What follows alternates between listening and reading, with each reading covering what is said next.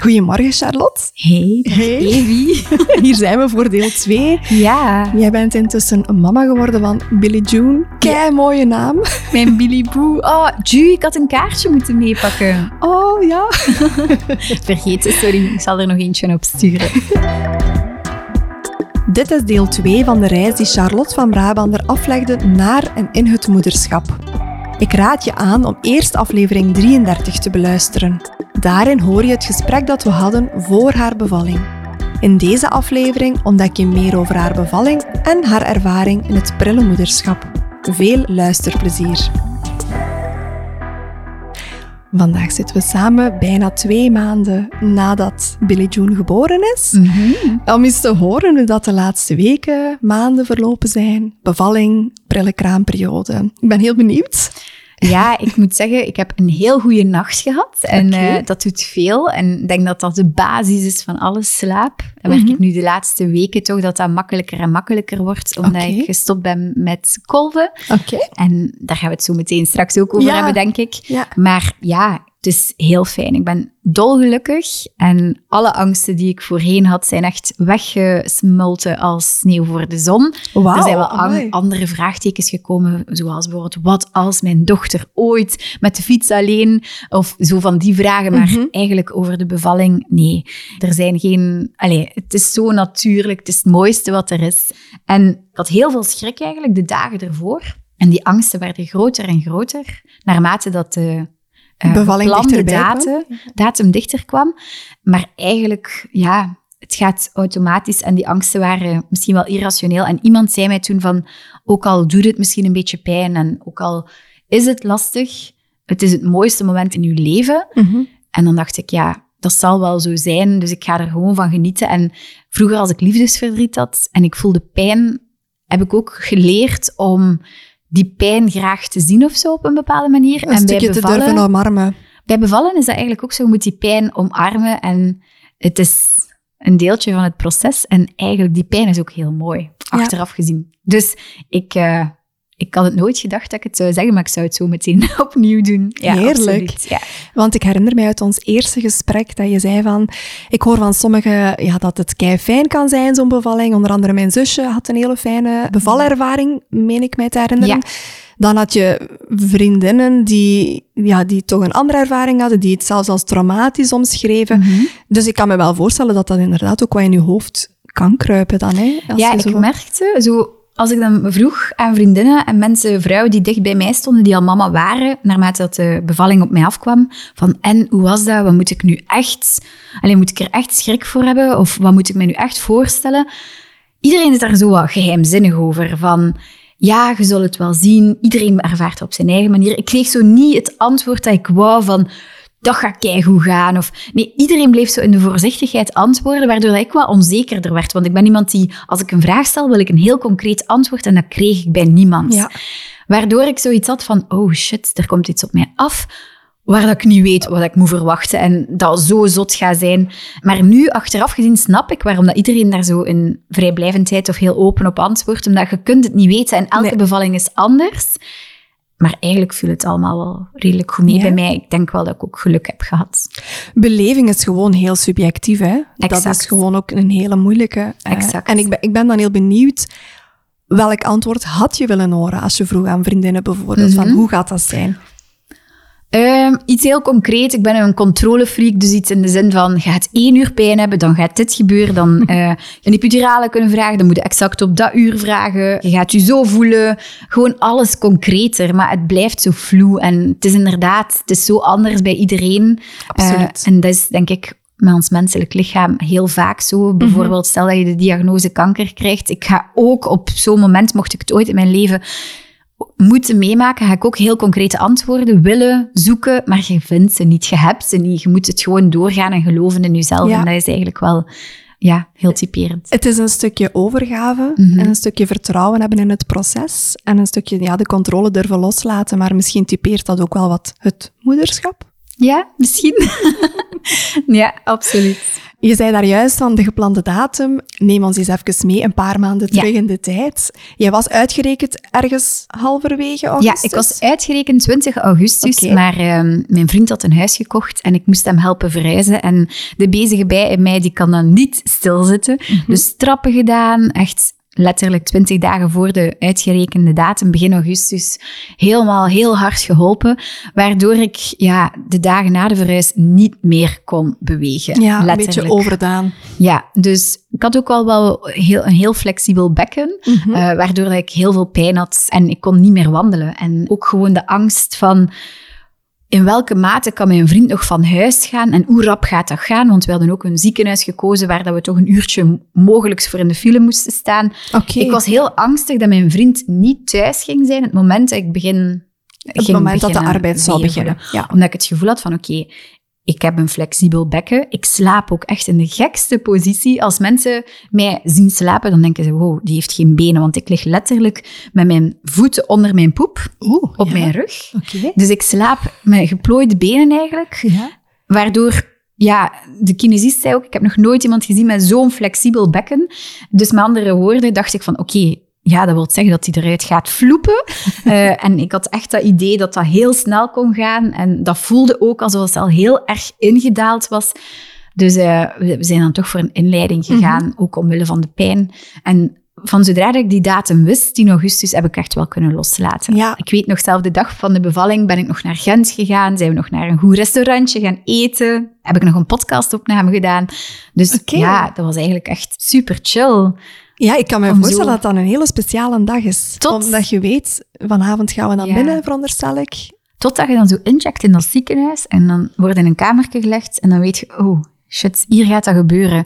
En je kijkt rond je en je ziet daar een bad staan en je ziet dan zo van die dingen staan waar je je benen op kunt leggen. Je dacht, oh nee, hier heb ik mij toch nog niet op voorbereid. Dus eh, toen kwam het wel even op mij af. En ja, mijn inleiding, dan steken ze een ballonnetje. Hè? Mhm. En eh, ik weet nog dat ze zeiden tegen mij van, ehm, de vroedvrouw zei, probeer hierna te slapen. Mhm. Je gaat wel nog een beetje kunnen slapen. En dan kwam er een andere vroedvrouw binnen die zei, slapen? Ik heb bijna nooit iemand na een ballonnetje zien slapen. Ze zeggen dat wel, maar Ja, per- won't ja. happen. Hij Ja. gaat de hele nacht pijn hebben. Maar, dus ja, ik dacht van, oh shit, oké. Ik zat met klamme handjes klaar. Die ballon werd gestoken. En eh, ja, toen kon het beginnen. En effectief, tien minuten later waren de weeën gestart. Ja, dat klopt inderdaad. Er zijn heel veel vroedvrouwen nog en artsen ook die zeggen van ja, we steken dat ballonnetje s'avonds, zodat je nog een paar uurtjes kan slapen. In praktijk heb ik dat ook nog maar heel zelden gezien. De meeste vrouwen die beginnen toch echt wel al in die eerste uren stevig te reageren hoor. Mhm. Ja. Eerste uur na tien Ja, minuten. ja. En ik weet, mijn vriend is dan een chiller, die had Deliveroo besteld. En de moment dat mijn echte, allee, mijn weeën gingen heel snel, want de dokter is ook vrij snel komen kijken. Die ballon Mhm. Dus gestoken om zo snel mogelijk drie centimeter ontsluiting te krijgen. Ik ben binnengegaan met één. Ik had supersnel drie centimeter. Heel snel, na een uur en een half of twee uurtjes. Mhm. Dat is vlot. Ja, maar in die tijd had mijn vriend dus Deliveroo besteld en zijn eten was beneden aan de lobby, Ja. de receptie Dus die moest dat daar gaan ophalen eigenlijk. Oh, mannetjes. Dilemma. Ja, dilemma. Ruzie dat wij gemaakt hebben. Gaat nu niet om je eten. Je gaat je eten koud eten, godverdomme. Dus ja, en dan merkte ik al van, oh, wauw, ik ga zo een eh, bevallende vrouw zijn die mijn vriend afblaft. Gelukkig daarna is het ja, vrij de rust teruggekeerd. Oké.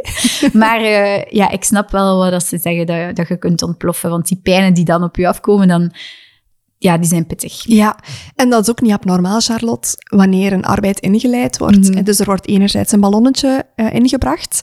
En anderzijds gaat er, vermoed ik, ook een gel eh, ingebracht zijn die ervoor Mhm. gaat zorgen dat die baarmoederhals nog veel verder gaat uitrijpen en dat de contracties kunnen gaan starten. Hè. Ja, Dat zijn synthetische hormonen, wat dat eigenlijk maakt dat uw eigen zenuwstelsel, uw eigen brein niet goed doorheeft van, ah ja, wat is er hier juist aan het gebeuren? Wat dat dus ook maakt dat uw eigen brein onvoldoende tijd krijgt om pijnstillers aan te maken. Wat dat ook gewoon maakt dat een ja, ingeleide arbeid met die hormonen veel pijnlijker is. is dat echt zo? Ja, absoluut. Veel pijn. Ik kan het persoonlijk ook vergelijken. Mijn eerste was ook een inleiding met een ballonnetje. Dat was inderdaad bij mij ook direct van 0 Ja, naar 100 oké. Onhoudbare Ja. pijn bijna, vond ik. Nummer twee en drie zijn spontaan gekomen. Dag- en nachtverschil. Ja? Ja, die arbeiden zou ik elke dag opnieuw doen. Je wordt eigenlijk een stukje high van jezelf, van je eigen hormonen. Je brein maakt endorfines aan, Mhm. wat er eigenlijk voor zorgt dat je veel meer pijn aan kunt dan ehm, nu op dit moment of tijdens zo'n synthetische start. Oké, want op dat moment, inderdaad, ik zat echt te denken van... Wow, vrouwen die ervoor kiezen om natuurlijk te bevallen, ik snap het niet. Ik snap het niet. Dat kan gewoon niet. Dat is bijna voor mij hetzelfde als niet-sportieveling zeggen, je gaat nu morgen zonder training een marathon lopen en je gaat niet stoppen, je gaat blijven lopen. Ik zou het niet kunnen en toch gaat het gebeuren, want het gebeurt. Dat, ja, ik, ik, ik, eh, ik snapte dat niet. En dus ik kan me wel inbeelden als die pijn iets draaglijker is of meer met een flow gaat. Dat dan, is het, eh, hè.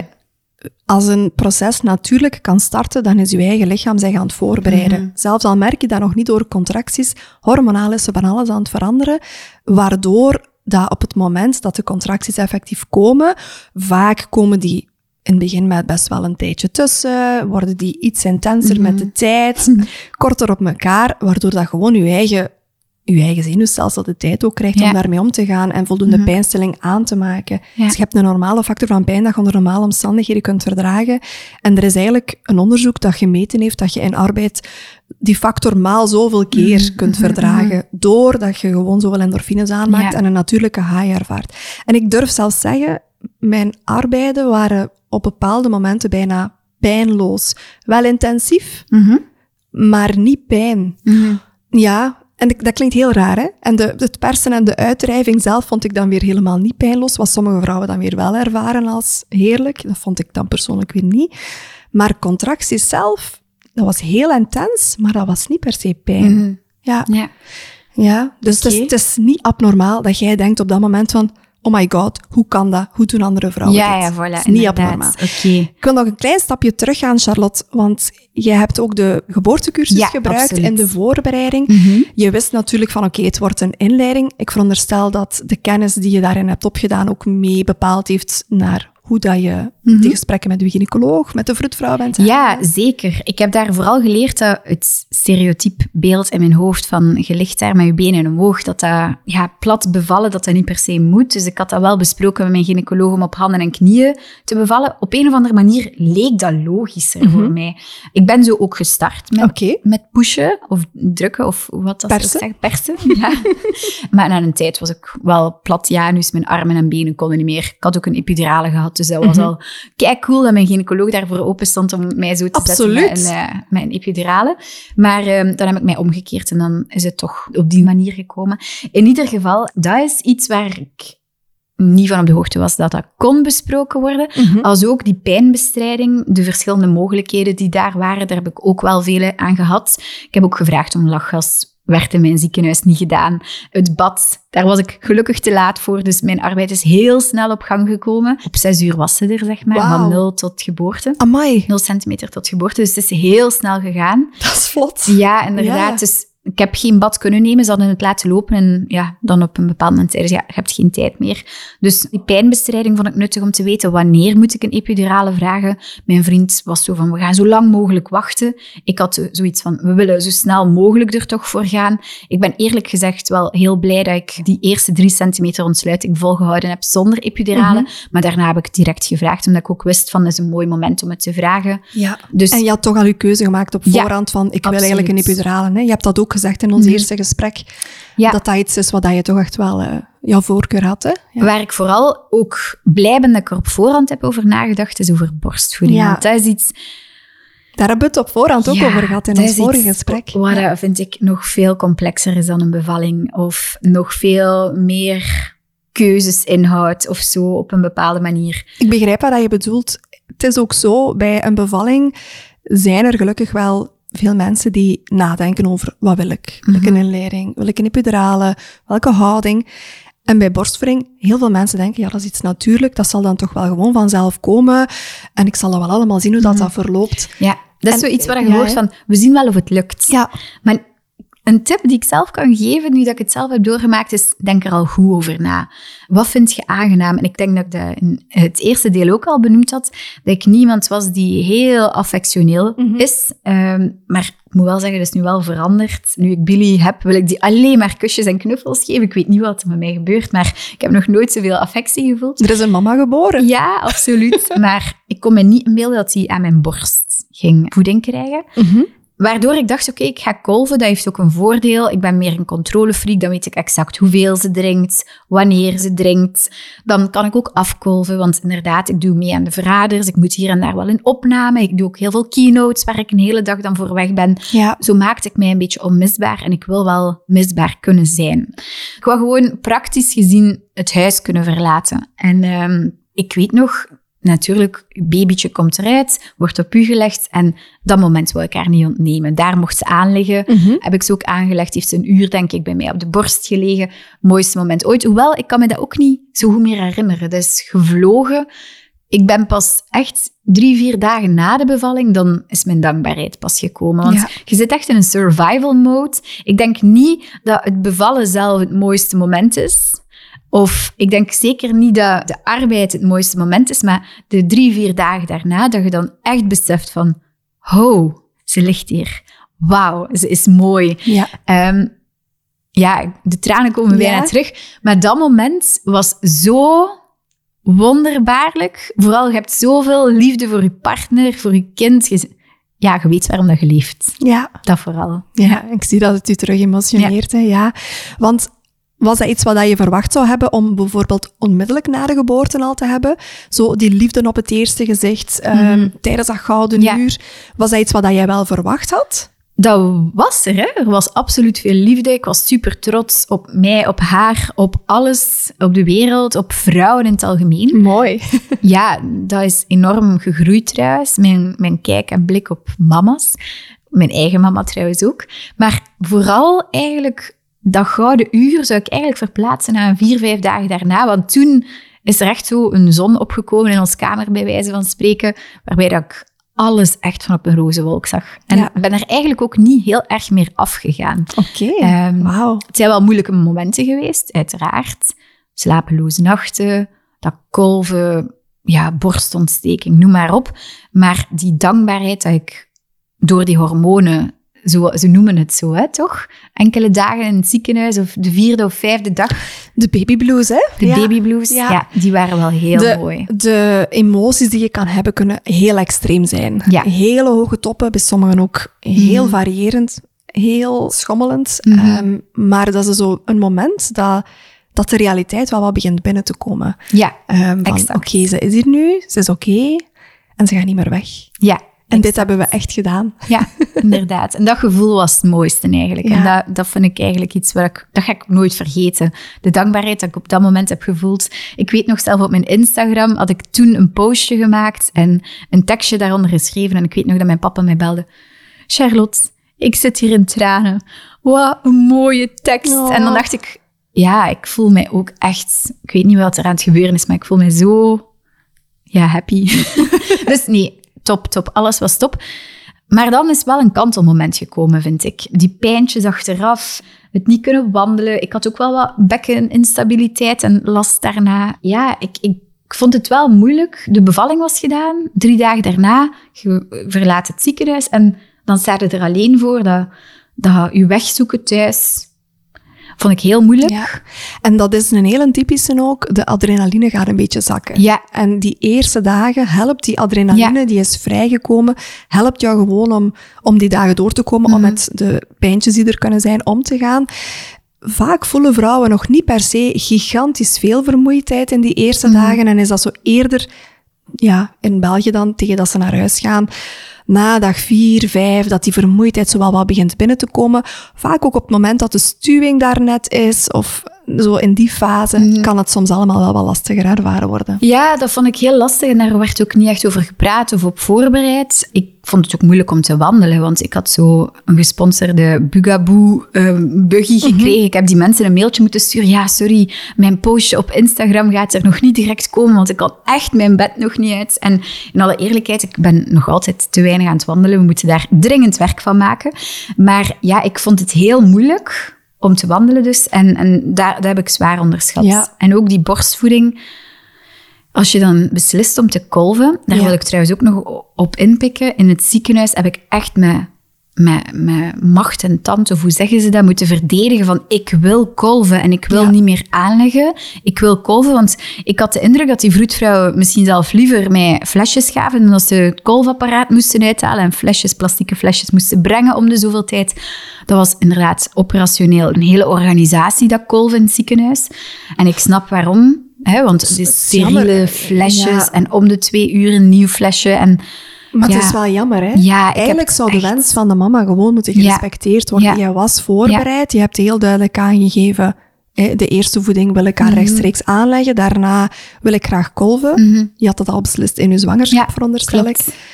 Ah, dat is zo jammer Ja, dat er dan toch... dat is zo het enigste gevoel dat ik denk van... "Mm, dat was echt niet fijn. Want ik ben daar echt ook emotioneel geworden tegen een vroedvrouw. Na de tiende vroedvrouw die binnenkomt, want je ziet er wel heel wat. hè? Al die verschillende shifts, al die verschillende gezichten. En elke keer was het... Zeg, en waarom niet? Heb je dat gehoord van een vriendin misschien? Dat de kolven beter is? Zo van die zaken. Terwijl ik zei, nee, het is een bewuste keuze. En ik wist ook uit je cursus dat je dat aangeeft, dat je dat moet aangeven, dat je een bewuste keuze hebt gemaakt. En elke keer die dialoog op gang en, en toch weer verantwoorden. En Terwijl ik iets had van, het is mijn lichaam en ik wil Ja. kolven. En ja, dat gaat niet lukken, ze. Beter gewoon aanleggen en, en je gaat niet zo rap melk hebben met dat kolven. Maar effectief, ik had superveel melk en dat ging super vlot. En dat was gewoon precies alsof het Zoals woorden. het woorden voor jou. Ja. ja. Absoluut. Ik hoop dat, dat we daar allemaal iets uit kunnen leren, uit wat jij hier nu zegt, want dat is jammer, hè?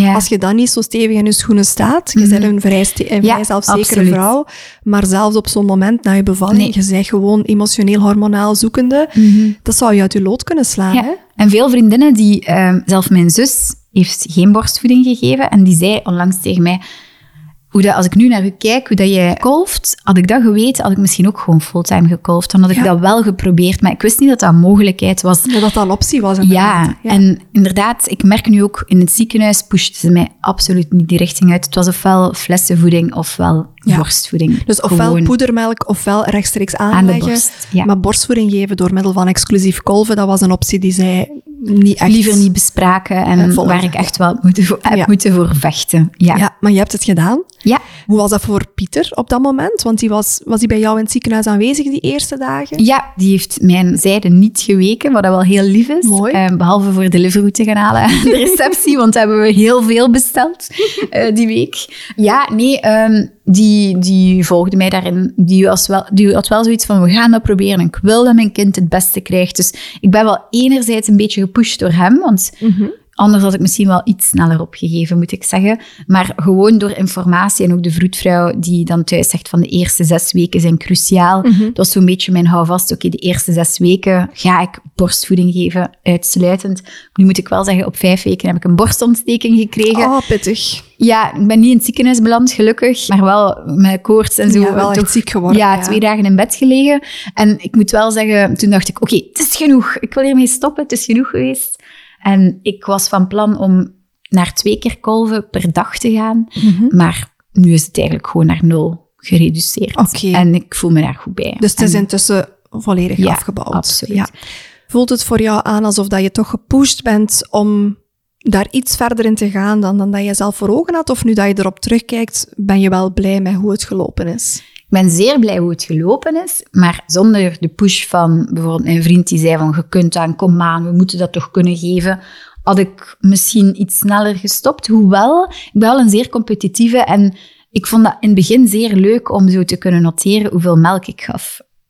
Als ik dat zag groeien, dan was ik goed Die bezig. statistieken die waren fijn voor jou. Ja, absoluut. En ook trouwens tijdens de weeën en de contracties vond ik het ook heel fijn om een weeënteller erbij te nemen, terwijl de vroedvrouw zei, doe dat weg, dat maakt u zenuwachtig. Ik zeg, nee, ik vind het fijn om te weten, ik heb houvast nodig. Ja. Dus je moet daar echt je eigen dingen volgen. Super persoonlijk. Hè? Ja, maar ook die statistieken bijhouden vond ik zo cool. Als ik, also dat sommige mensen gaan lopen met start to run, Ja. minuutjes lopen bijhouden. Bij mij was dat mijn millimeters, mijn cc's bijhouden. Hoeveel melk geef ik hier? Tot en met dat dan een keer terugviel. En dan begon ik daarmee over te stressen. En dan was het nog lager. En dan sliep ik daar niet van. En dan, Ja, want weet, het kan inderdaad ook in je hoofd kruipen. Hè? Het is kan een heel maken, emotioneel iets. Ja, absoluut. Waar dat ik ook nog heel benieuwd naar ben, Charlotte. In de eerste aflevering heb jij gezegd van, ik heb het plan om al te kolven op voorhand, zodat ik... ik herinner mij nog dat je zei, een paar flesjes in de koelkast heb staan. ik weet dat ik dat toen een stukje genuanceerd heb van, ja, Ja. dat gaat eerder om een paar druppels. en bij sommige vrouwen lukt het niet, dus denk daar goed over na. Kei grappig. Ik had er gehoopt dat mijn borstvoedingscursus tijdig ging af zijn, maar hij was net niet op tijd af om voor om nog te volgen. Oh, Maar ik ben wel benieuwd, want ik heb u daar wel zo nog wat info over Ja. gegeven over de antinataal kolven. Is dat iets wat je uiteindelijk gedaan hebt of niet? Eh, nee, eigenlijk niet, want ik moet eerlijk zijn, ik weet nog, ik lag in bad voor de bevalling. Alleen voor de bevalling, een paar dagen ervoor. En ik zag plots een gele druppel. En ik dacht, wow. ik was al zo dankbaar voor die gele druppel. En dan dacht ik, ja oké, flessen, die krijgen we er zeker niet uit. Dus ik dacht van nee, we gaan het gewoon eh, op gang laten komen met het moment zelf. En zeker door die inleiding. Het was al vroeger, dus Wou je het misschien ook niet jinxen dat het eh, ja, nog iets meer zou triggeren? Nee, en inderdaad. Dat de arbeid vroeger van En start zou gaan? eigenlijk, ik zat dan in dat bad. Ik zie dan een geel druppeltje komen en dan denk ik, oh nee, dat valt hier nu in dat badwater. Terwijl dat is dat belangrijkste. Nu ben ik dat kwijt. Dus dan dacht ik, ja nee, we gaan niet heel dat, eh, ja, hoe zeggen ze dat, dat praktisch proces opzetten om alles in een fles of in een lepeltje op te vangen, om dan in de frigo een paar dagen te bewaren, om dan misschien mee te nemen naar het ziekenhuis, om daar dan te geven. Oh nee, ik zag dat, ik zag dat logistiek proces helemaal niet zitten. Nee. Dus ik ben gegoat with the float. Op Nee, het oh, moment. dat klopt niet echt, maar wat. Ik ben gewoon gegaan en dat was eh, het beste voor mij op dat moment. Ja, als ze geboren was. Voilà, mooi. Rondom het stukje van de bevalling, of de voorbereiding op de bevalling, stel dat, dat je ooit een tweede keer zou zwanger zijn, is er iets wat dat je anders zou doen? Of is er iets wat dat jij zou meegeven aan iemand anders die nu zwanger is en die bijvoorbeeld zorgen heeft of angsten heeft? Wat zou je Doorgaans, elke vrouw die in een ziekenhuis belandt, om eender welke reden, sta op je strepen. Dat vooral. En ik zie dat nu ook, een vriendin van mij is onlangs opgenomen om een heel andere reden. En ik zie, zij is in haar carrière. Zo'n sterke vrouw, staat zo op haar strepen, het ziekenhuis is zo zacht. En laat ze haar behandelen. Niet altijd even goed. En laat ze haar gaan in een flow waarbij dat ik denk, oh, je moet hier echt meer op je strepen staan, doe dat gewoon. En je kunt dat enkel maar doen als je op voorhand voorbereid bent. En als je heel goed weet wat je wilt. Dus Ja. ehm, ik zeg niet dat je alles moet kennen en snappen hoe dat een bevalling in elkaar zit. Hoewel, voor sommigen kan dat heel nuttig zijn. Maar vooral dat je weet van wat zijn de opties Ja, ja. en wat zijn de mogelijkheden, dat je daar heel goed weet waarom dat je iets Ja. kiest. En ehm, En ik zou daar nog aan willen toevoegen dat je weet hoe dat je op een respectvolle manier ook het gesprek kan aangaan met die zorgverleners. Het is zo frappant in onze samenleving. Met wij als sterke vrouwen, hè, dat wordt gestimuleerd als vrouw carrière maken, studeren. Wauw, knap voor jezelf opkomen, je mening uiten, daarvoor durven gaan staan. En dan zijn we dan toch een stukje geconditioneerd wanneer we in een ziekenhuis terechtkomen of in een dokterskabinetje zitten, dat we dan ons opeens ja, minder voelen, dat die anderen het ja, volgzaam worden, dat die anderen het wel beter zal weten, terwijl het wel over jouw lichaam en jouw baby gaat. En, en dat je ineens geen rechten niet meer hebt en dat wij als makke schaapjes wat volgen wat er ons gezegd Ja. wordt. Maar is het ook niet gewoon door heel veel vrouwen willen misschien zaken zonder geïnformeerd te zijn, terwijl inderdaad een vroedvrouw zal het wel effectief beter weten vaak. Maar het is gewoon moeilijk om een onderscheid te maken wie is er nu echt geïnformeerd en wie niet. Want ik moet wel zeggen, mijn mening over bepaalde topics is wel veranderd. En ik denk ook dat je niet altijd gelijk kunt hebben en dat het net gezond is dat je je mening moet kunnen laten veranderen. Maar wel omwille van goede dialoog en goede argumenten. En ik denk misschien dat er wel mensen ja, te veel vasthouden aan een idee. Zoals bijvoorbeeld ik, ik ga op voorhand kolven, want ik ga flessen melk hebben in mijn frigo staan. Ja, nee, het is door geïnformeerd te zijn, dat ik dat dan niet heb gedaan. En ik denk inderdaad dat vroedvrouwen misschien daar wel ook vaak in botsen van, die hebben hier zo een fixed idee, terwijl Ja. dat misschien niet altijd klopt. En dat is een balansoefening van, Ja, wie weet het goed, wie is er goed geïnformeerd en wie niet. Ja, en daarvoor is het gewoon kei belangrijk dat er, zoals je zegt, dat er dialoog kan zijn. En er is een verantwoordelijkheid van beide partijen. Er is een verantwoordelijkheid van de zorgverlener uit, vind ik, om door te vragen. Ja. Om door te vragen waarom, stel, jij bent mijn patiënt die ik opvolg en jij zegt, ik wil niet rechtstreeks aanleggen. Om daar gewoon eens even op door te vragen van, oké, vertel een keer, hoe Ja. zie je dat? Ja. Wat zijn zaken die voor jou wel belangrijk Klopt. zijn? Hoe kunnen we jou op zo, zo goed mogelijk begeleiden? Eh, Wat heb jij nodig van ons? Mhm. Maar anderzijds is daar ook gewoon voor nodig dat je als vrouw ook gewoon kennis opdoet en, en je blik durft verruimen. Dat is ook wat ik exact met deze podcast probeer te doen en met mijn online geboortecursus en borstvoedingscursus. Mensen gewoon hun oogkleppen een beetje verbreden, hun horizon te doen verruimen, zodanig dat zij geïnformeerd beslissingen kunnen maken, samen keuzes kunnen Ja. maken en zodat zij ook kunnen afwijken van keuzes wanneer dat ja, omstandigheden zich daartoe dwingen. Want heel veel vrouwen hebben gelukkig de dag van vandaag wel nagedacht over een bevalling. Mhm. Vaak zie ik het zo'n beetje als een tegenreactie van mijn eerste bevalling was heel teleurstellend. Bij de tweede bevalling ga ik een heel strikt geboorteplan en dat en dat en dat moet gebeuren of het is niet goed. Dat is dan misschien ook weer wat te extreem. Ik denk vooral zo, het gaat hem niet per se om dat geboorteplan, maar eerder om het denkproces Mhm. Ja. dat eraan vooraf Ja. Mhm. gegaan is en om de communicatie die er dan hopelijk ook uit voortgekomen is. Want het is heel makkelijk om te zeggen als vrouw, van ja, mijn bevalling was heel teleurstellend en dat is de schuld van dat, dat en dat en die en die en die. En ik denk dat er gewoon ook, dat is onpopulair misschien, maar dat er ook altijd een eigen aandeel is, Ja. waarmee ik niet wil zeggen dat er inderdaad factoren kunnen zijn die maken dat jij voelt van ja, dat was niet oké en Ja, dat was tuurlijk. onterecht. Maar ik denk dat er ook wel echt een aandeel is dat we zelf in handen mogen durven nemen. Ja, ik denk over het algemeen, niet alleen over bevallen, niet alleen over borstvoeding, maar ook het hele traject daarvoor, zwanger worden. Er is veel te weinig om te doen. Dus ik ben ook- heel blij, onder andere met de nieuwe reeks, de club. Ik heb het zelf nog niet gezien. Ik ben ook aan het twijfelen om te kijken, want het zou mij ook een beetje te veel terugkap... Het zou wat triggerend kunnen zijn, mogelijk. Ja, en ook gewoon inderdaad die wachtzaalmomenten. Het is niet zo fijn om daarin te zitten. En eh, onze dochter is natuurlijk gekomen, waar ik zo dankbaar om ben. Wat ook een teken geeft van je moet blijven geloven. En ja, pas op, kan ook heel triggerend zijn om, te, om dit te horen als het echt niet lukt voor sommigen.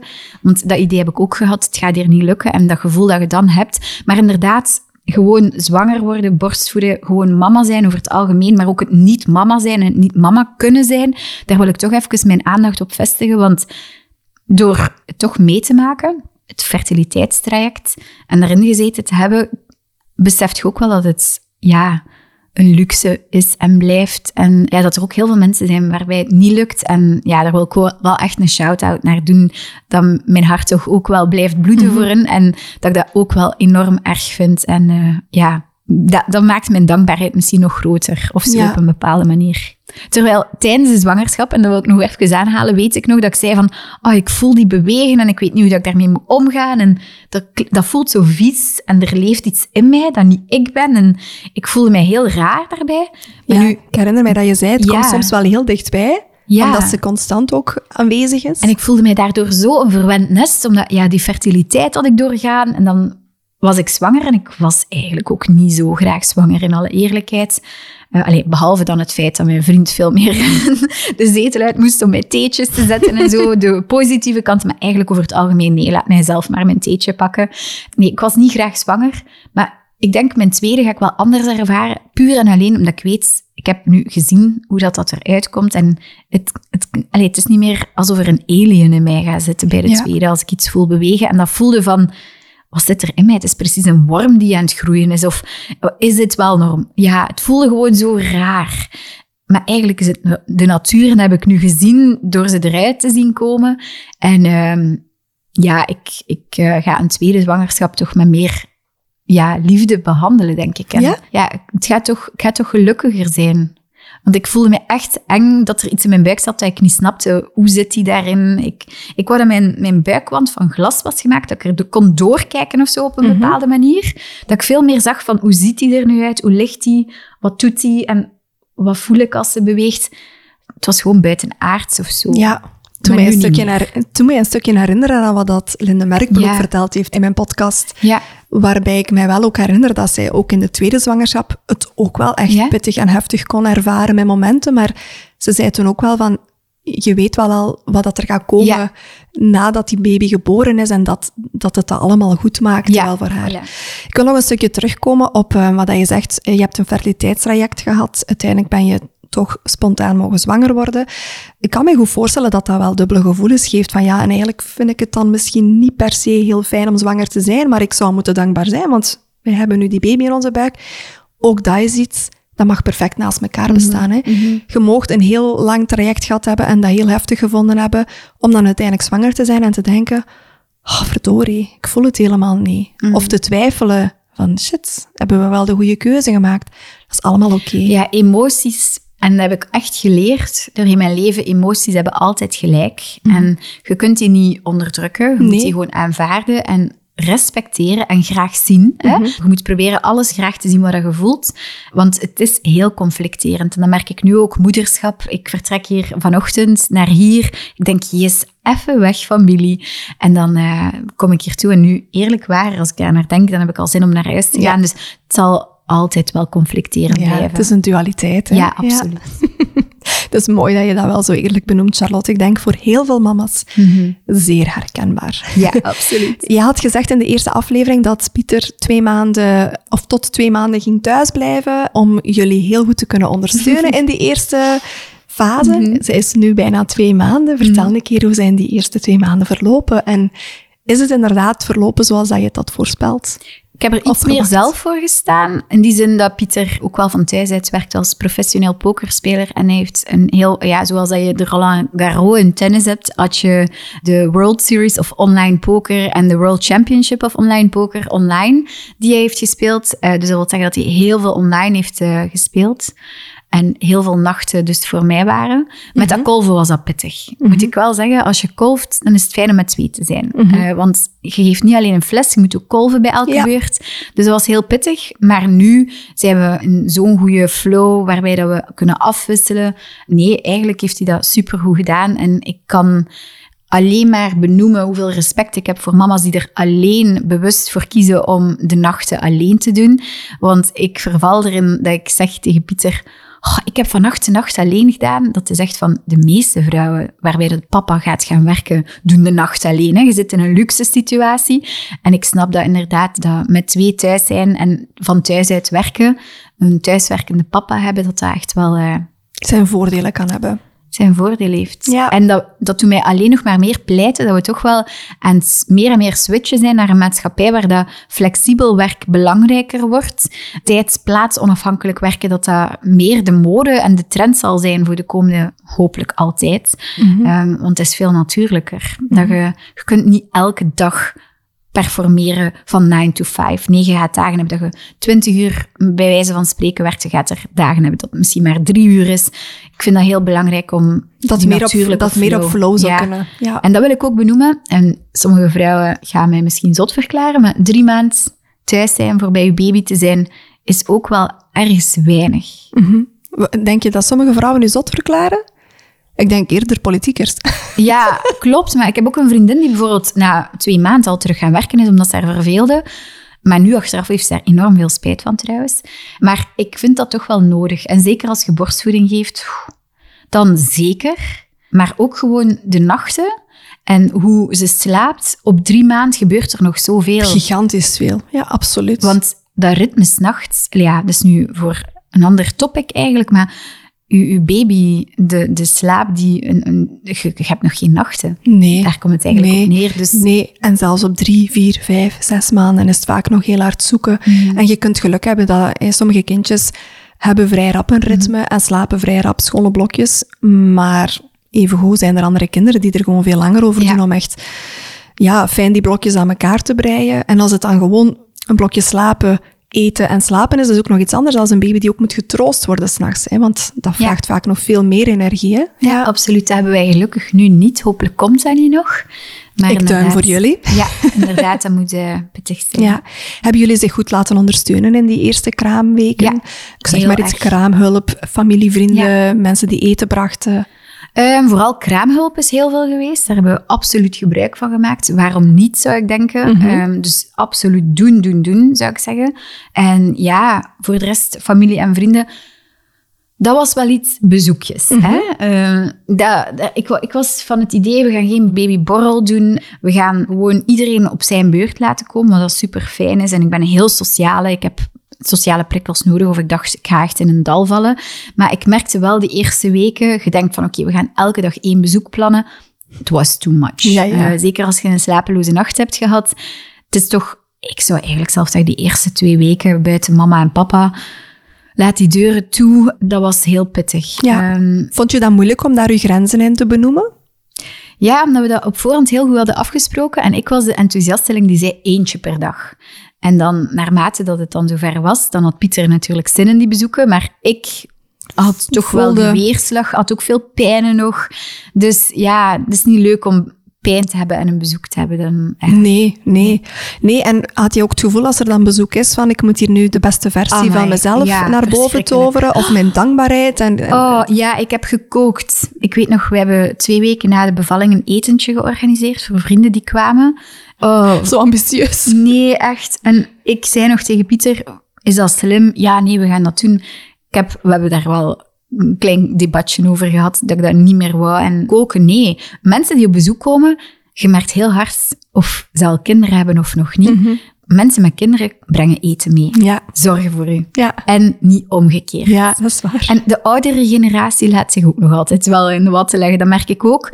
Maar een shout-out, ik neem niemand iets kwalijk, want iedereen doet het met de beste bedoelingen. Maar inderdaad, als je op bezoek komt, zorg dat jij de taart mee hebt. Zorg dat jij de koffie gaat zetten. Zorg dat de mama niet moet recht staan om een koffie te gaan zetten. Want ik kon echt geen seconde recht staan of ik begon pijn te krijgen. Ja. En toch heb ik ja, borden afgeruimd. Ik voel mij eigenlijk een ober in een restaurant op een bepaald Ja. moment. En dat is een beetje jammer. Ja, en eigenlijk is dat niet oké, hè? Nee. Nee. Maar je moet daar zelf je grenzen leren stellen. Ja. En dat weet ik nu voor de volgende. Ja, ja Ehm, dus jammer genoeg moet je het soms inderdaad een stukje ervaren om Mhm. dan echt te voelen van oké, nee, dit doen we niet meer. Ja, en ik hoop gewoon voor mama's die deze podcast luisteren, herbespeel dit stukje, laat het horen aan uw man en uw partner, dat dit echt ja, geen sinecure is, niet makkelijk is om huisvrouw te zijn en mama te zijn en Gastvrouw te gastvrouw zijn. te zijn. No way. Dat is veel te veel. Eigenlijk zou je gewoon minstens 40 dagen in je zetel of op Ja. bed mogen liggen. In En Japan is dat net schijnt zo. 15 dagen komt je bed niet uit. Ja, Dan de en in China ook. Ja. Ja. Maar in veel culturen, onder andere ook in de moslimgemeenschap bijvoorbeeld, is het ook zo dat je echt die eerste periode gewoon Ja. in de zetel ligt en dat mama, schoonmama, zussen, familie komt helpen en eigenlijk heel het huishouden overneemt.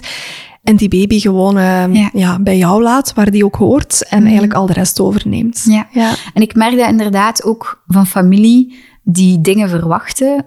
Met natuurlijk gewoon het idee, we willen dat ze erbij zijn en we willen tijd en quality time met het hele gezin. Dan heb ik toch wel een paar keer de grens moeten stellen. Nee, we gaan er niet bij zijn. Nee, dat is nog te ver rijden voor ons kleintje. Ja. Nee, we gaan niet een weekend ergens logeren, twintig dagen na de geboorte. Nee, dat gaat niet. Maar je lacht ermee, Ja. dat werd wel verwacht. Ja. En de vraag bleef ook zich herhalen. Allee, echt niet. En Ja. op den duur zei het wel worden kwaad. En daar heb ik wel gemerkt van, oké, je moet je grenzen respectvol blijven. Benoemen, Delen. duidelijk maken. Ja. Ja, Ja. dat is soms heel moeilijk. Ja, hè, want jij bent, zoals ik jou leren kennen heb in het eerste gesprek, een vrij sterke vrouw. Mhm. Jij bent niet op je mondje gevallen, je durft voor je mening opkomen. En als ik het nu Ja. hoor, heb ook jij hiermee toch een beetje Ja. gewankeld of Heel gestruggeld. Hè? Heel hard, Dus ja. laat staan als je van karakter al iemand bent die het heel moeilijk vindt om eh, ja, je eigen grenzen te voelen in eerste instantie en dan te durven benoemen naar omgeving. Ja, voeg daar een verse baby, een hormonale rollercoaster en een kraamperiode Mhm. Aan toe. En dat is gewoon... eh, En voor alle duidelijkheid, als ze mij nu vragen, gaan we een weekend naar de zee.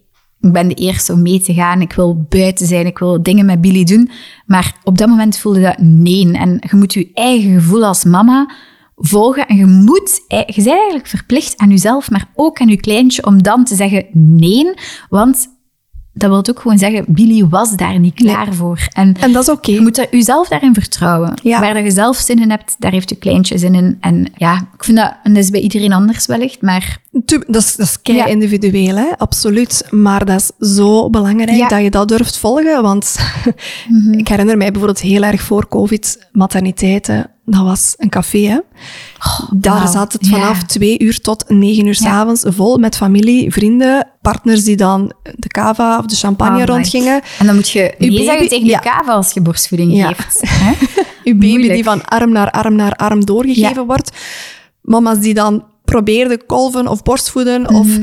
Tussendoor, maar dan bezoek op de gang en dan voelen, oh, maar ze staan te wachten, dus je wilt ze ook niet te lang laten Ja. wachten. Oh nee. En die baby's die heel kalm zijn vaak overdag dan, want dan lijkt dat voor een omgeving, Ja. ja. zo'n brave, zo'n rustige. Ja. Maar dan als de familie... Of, Overprikkeld. Ja, overprikkeld. En dan komen de tranen, zowel Ja. bij de baby's als bij de mama's. Dat heb ik ook gehad, inderdaad.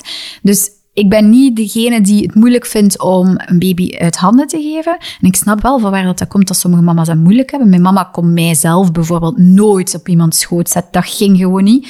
Daar moet je respect voor hebben, punt. Mhm.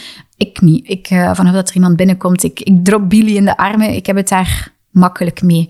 Maar ik denk dan ook, het is ook omdat mijn kind waarschijnlijk heel sociaal is en dat fijn vindt of zo op een bepaalde manier. Anders zou ik, ik dat misschien niet zo fijn vinden. Het zal veilig gevoeld hebben voor jou Ja. gewoon. Ik kan mij ook voorstellen, stel dat jullie wel elke dag tien verschillende bezoekers hadden gehad, Ja. dat het misschien al helemaal anders zou zijn. Om ze dan ook, als je zegt van we hebben maar één bezoekje per dag gedaan, dan is het nog een helemaal andere. Ja. dynamiek dan dat die baby van arm naar arm naar arm kan rondgegeven Ja. worden. Zonder dat ik ze zelf ja, heb. En zonder Nee, nee, dat jij misschien kunt zeggen van ik wil, ik wil ze eigenlijk terug. Mhm. Wat doe jij? En ze Ja, bij dat tante Gerda in de arm bij wijze van spreken. Ja. Ik heb dat ene keer gehad dat ik dacht, oh, nu mag ze wel terug bij mij komen. Maar dan vraag ik dat gewoon. En.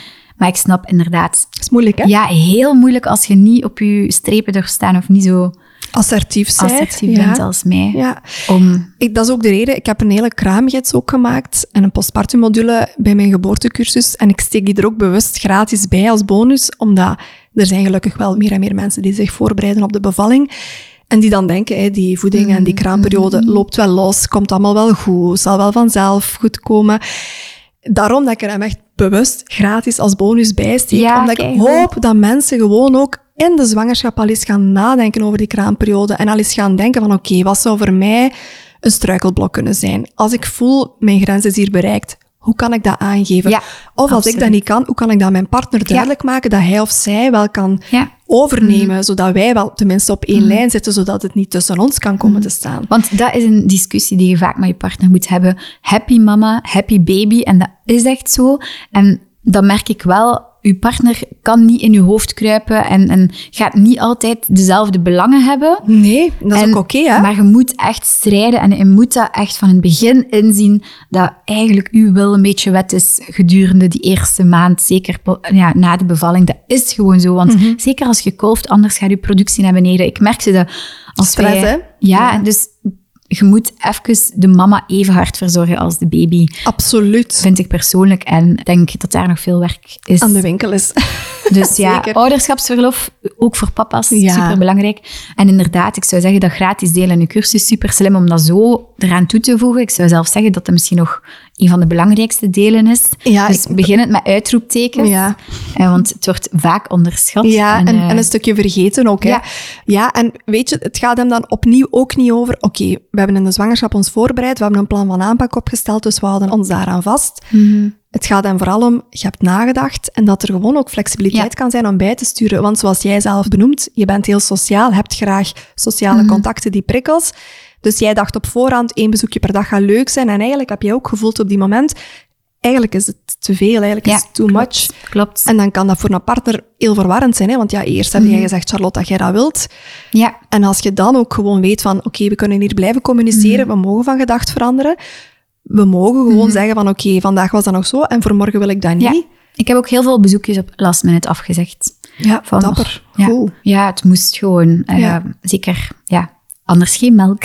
Ja, dat voilà. was effectief zo. Ja. Dat zei kind en gezin ook van, ja mevrouw, vandaag, morgen geen bezoek of je gaat geen melk hebben. En dat is ook zo. En ja, Klopt. ja. dus het is gewoon een harde realiteit. Ja, voilà. Dus we moeten gewoon echt veel meer voor onszelf durven opkomen en voor wat dat we voelen en nodig hebben. En respect hebben voor de mama's die bevallen zijn, want Ja. chapeau, iedereen doet dat zo goed en Absoluut. de natuur is zo mooi. Ja, en ongeacht hoe je bevallen bent, waar je bevallen bent, welke voedingskeuze je ook Ja, maakt, absoluut. respect. Absoluut, 100 procent. Je zei daar juist ook van, ik heb veel... eh, ik weet niet hoe dat je het zei, maar je kijkt plots heel anders naar jouw eigen mama ook. Kan je daar iets meer over vertellen?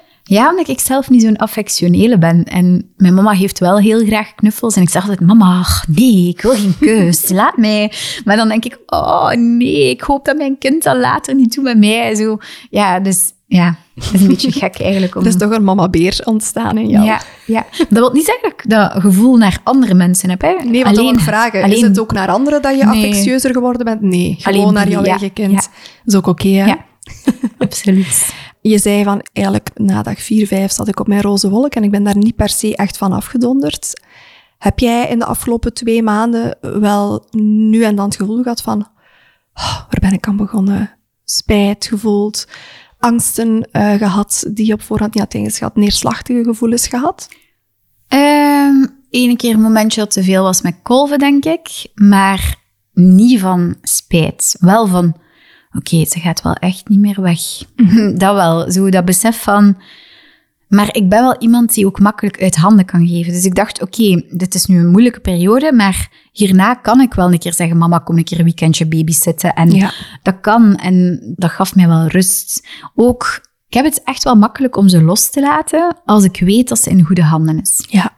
100 procent. En durf je inderdaad zoal, ja, kijken naar binnenkort als ze bijvoorbeeld naar de opvang gaan moeten gaan of Mm-hmm. Is dat ondertussen al gebeurd? Of is dat eens een dagje bij oma of zo gegaan? Op dit moment zou ik zeggen, ik ga er niet emotioneel over zijn.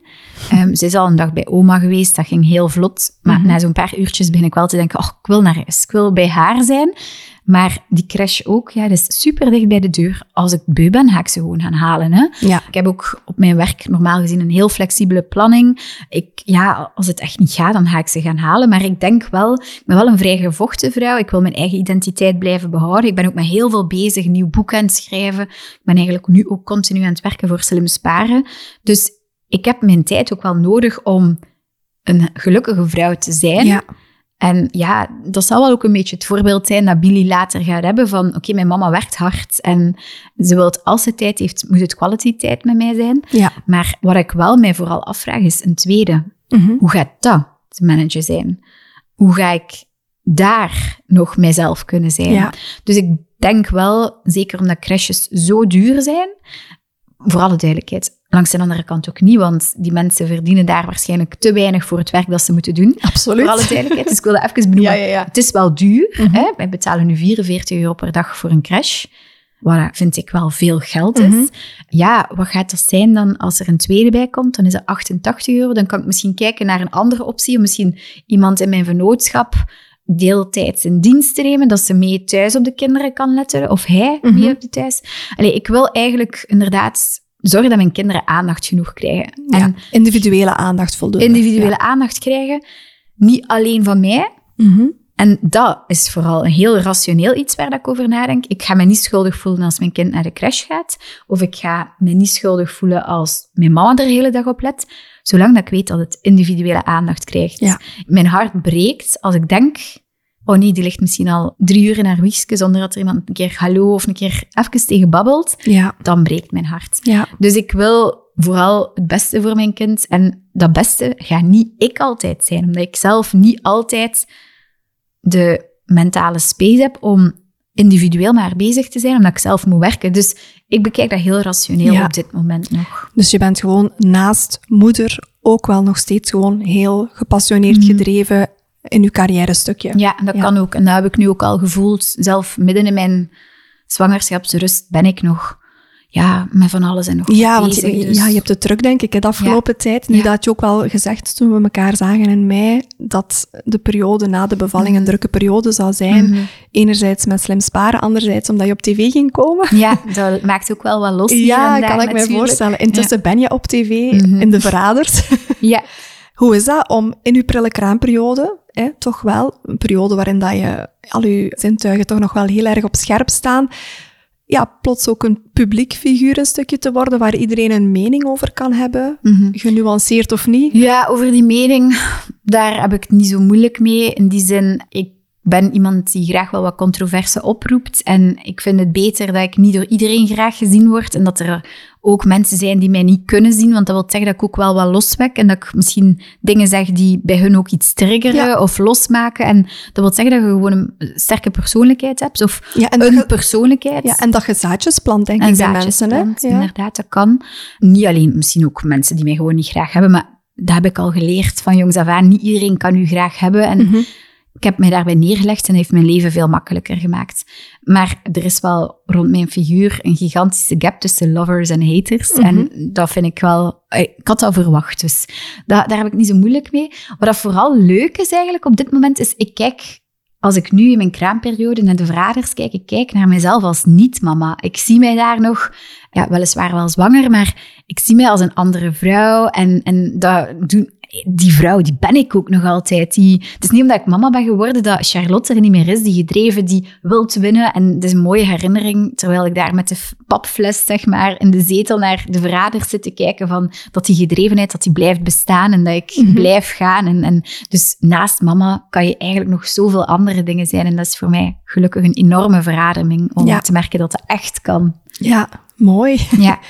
In de eerste aflevering hebben we het daar ook over gehad. Die periode dat het opgenomen werd, was je eigenlijk zwanger Mhm. hè, van het eh, eerste embryootje dat er geplaatst is na het IVF-ICSI-traject. Mhm. En zat jij zo net op de loop van, gaat dit een goede zwangerschap zijn of niet? Mhm. Ik kan mij voorstellen dat dat ook wel kei emotioneel was om Ja. daar te zijn. Of hoe was dat voor jou? Ik wist, ik ben zwanger. Ik was zwanger. En ik wist van, is erop of eronder. De dokter had ook gezegd van, het zal 50, 50 procent zijn dat het embryootje zich verder zou ontwikkelen. En ik dacht van, ja, oké, ik heb er zelf weinig impact op. Mag gewoon niet te veel stress hebben. Ik moet gewoon gezond zijn. Waardoor ik ook in het programma niet meegedaan heb aan zware fysieke proeven en zo. En niet gedronken heb. En daar wel proberen goed te slapen heb. Maar natuurlijk, het was eigenlijk ook wel goed om er niet te hard mee bezig te zijn. Want ik zat zo in dat spel. En ik was er ook effectief minder mee bezig. Want ik had het niet in mijn handen. Ik kon daar niet tijdens de opnames een echo gaan laten doen. En je hebt sommige dingen niet in handen. En ja, nee, inderdaad. En ik moet zelf ergens zeggen, ik ben heel dankbaar dat ik toen iets anders om handen had. Omdat het plaatsen van dat zwangerschapsverlies is voor mij iets makkelijker gegaan. Eerst en vooral, ja, daarna was ik direct zwanger van Billy, gelukkig. Maar vooral ook gewoon, ik had iets om handen en ik, ja, ik was zo dankbaar al op dat moment in mijn leven. En ik wist dat, dat het wel goed zou komen en dat de natuur zijn ding zou gaan doen. En Ja. Dus ja, Wauw, ik vind dat wel sterk dat je dat Ja. zegt. Ja. Je zei daar juist al kort eventjes van, je denkt wel na van, hoe stel je voor, hoe gaat het zijn met twee, Mhm. ehm, organisatorisch, financieel, die zaken. Meestal vraag ik dat niet, Charlotte, omdat ik dat een onbeleefde vraag en een Mhm, persoonlijke mhm. vraag vind. maar je hebt het nu zelf er juist ook al eens aangehaald. Een tweede kindje, is het iets waar jullie wel al eens over nagedacht hebben? Daarmee bedoel Ja. ik niet nu, hè? Ja, nee. Maar, eh, Eh, hoewel, ik zou op dit moment kunnen zeggen, oké, dat mag nu komen op dit moment, omdat ik een, een goede nachtslaap heb gehad ook waarschijnlijk. Maar dat zou ook gewoon, denk ik, onverantwoord zijn om dat zo snel op elkaar te laten komen, hoewel dat kan, hè, Mhm. waarschijnlijk. Ehm, ik zeg 100% ja. Als eh, alles ons genegen is, ben ik dol dankbaar om nog een kindje of misschien zelf meerdere kindjes nog te krijgen. Want ja, the happier, the merrier, zeggen ze. En het is wel zo dat Belgen minder en minder kinderen krijgen. En ik vind dat, ja, ik vind dat wel leuk om, om verder te zetten. En ik kijk, dat is nu even iets helemaal anders. En misschien freaky dat ik dat zeg, maar door kinderen te krijgen, kijk ik ook anders naar mijn eigen leven en naar de dood. ja? Waardoor ik, ehm, ik ben een heel angstig persoon doorgaans en ik ben altijd heel angstig geweest van sterven. Terwijl, ja, absurd, hè, want het is gewoon iedereen zijn eindpunt. Maar door kinderen te hebben, heb ik het gevoel van nee, ik eh, blijf leven op een bepaalde manier in hun hart. En dat geeft mij rust, enerzijds. En dat klinkt misschien egoïstisch, maar anderzijds voel ik ook, en dat heb ik vooral gevoeld dag vier na de bevalling, van oh nee, Billy gaat langer leven dan mij, ik ga die moeten missen. Ja. En zij gaat mij moeten missen. En ja, dat is zot. Maar dus ja, absoluut meer kinderen, zodat, ja, zodat je zo lang mogelijk blijft verder leven. En, Ja. en dat ze niet alleen zijn. Ja. Oké. Ja, dat vind ik ook heel belangrijk. Ik heb zelf een zus. Ja. Dat is super. Allee, dat is het beste wat er is, hè? Niet alleen zijn. En allee, ja, ik zeg niet dat alleenstaande kinderen alleen zijn, maar ik wil ze wel gunnen dat ze thuis iemand hebben om naar Ja. de andere kamer te sluipen en onder een deken samen stout te zijn tegen mama en papa. En, Ja. ja. Ja, Laat, laat ze maar met twee zijn, hopelijk. Maar Ja, we hebt- zullen zien. je hebt de smaak te pakken als ik het hoor. absoluut. absoluut. Ik weet niet, Charlotte, ben jij normaal een emotioneel persoon of niet? Mhm. Ehm, en of jij nu ook ervaart van, amai, het, het moederschap heeft mij ja, nog wat gradaties emotioneler Mhm. gemaakt? Ja, ik ben sowieso emotioneel. Ehm, ik, ik leef echt met mijn hart op mijn tong. Maar nu merk ik dat vooral de krop in mijn keel vooral kruipt. Dus die emotionaliteit is nog versterkt. Vanaf dat ik denk aan Billy, dan, oh ja, nee. Die... En graag zien, ja, is overrold sinds de geboorte van Billy. Dus Ja. ja, Het is een ander level geworden. absoluut. Ja, mooi. Is er nog iets wat jij zelf graag wilt toevoegen, Charlotte? Gewoon, als je kinderen wilt, ga ervoor. Je kunt het niet plannen. Als je zegt van je partner van dat is een persoon waar ik een papa in zie, just go for it. Financiële zaken, al de rest. Je kunt het niet plannen, absoluut niet. Je kunt er niet klaar genoeg voor zijn. Ik denk niet dat er één reden is om het uit te stellen. Carrièregericht, wat dan ook. Het is sowieso een rollercoaster je hebt sowieso hulp rond u, ga ervoor en zorg dat er veel baby's op deze mooie planeet komen, want ik wil niet te sceptisch zijn. Eh, het is een mooie planeet, leven is mooi, gun ze het om te leven. Ja. ja absoluut. Mooi. Dankjewel. Dankjewel om zo eerlijk met uw hart op de tong, hoe zeg je dat? Ja.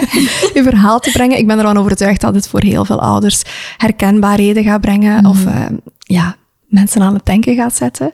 Ik hoop dat mensen ook gaan voelen dat ze inderdaad mogen opkomen voor wat dat zij Mhm. nodig hebben. Mhm. Want ik heb hier een heel sterke vrouw voor me zitten en dat, dat straalt echt wel door het gesprek heen, vind ik. En ik vind dat knap. Ja, Super. veel respect Dank voor hoe dat je het eh, hebt aangepakt en nog steeds aan het aanpakken bent. En eh, ik wens jullie een mooi, knuffelig met Billy June leven toe. ja, absoluut. Ik hoop het ook. Dank u, Evie. Dank u ook voor de uitnodiging. Ik vind het super fijn om met u over het hele proces te kunnen gebabbeld hebben. Super fijn. Mocht er ooit gezinsuitbreiding zijn, altijd welkom. I'll be back. Ik hoop dat je er net als mij van genoten hebt om de volledige reis van Charlotte naar en in het moederschap te kunnen volgen. Ben je net zoals Charlotte benieuwd naar kennis, niet enkel over de bevalling, maar ook over de kraamtijd en de borstvoeding, dan kan ik jou mijn online cursussen warm aanbevelen. Meer info vind je op buikgewoel.be. Heb je iets gehad aan deze aflevering? Dan zou ik het waarderen mocht je een gratis review achterlaten in de app waar je luistert. Dit doe je eenvoudig door op de sterren te klikken en eventueel wat lieve woorden achter te laten. Ik vind het altijd fijn wanneer jullie laten weten wat jullie uit een aflevering halen. Vergeet niet om de aflevering ook te delen met iedereen die hier iets aan zou kunnen hebben. Dankjewel en graag tot de volgende.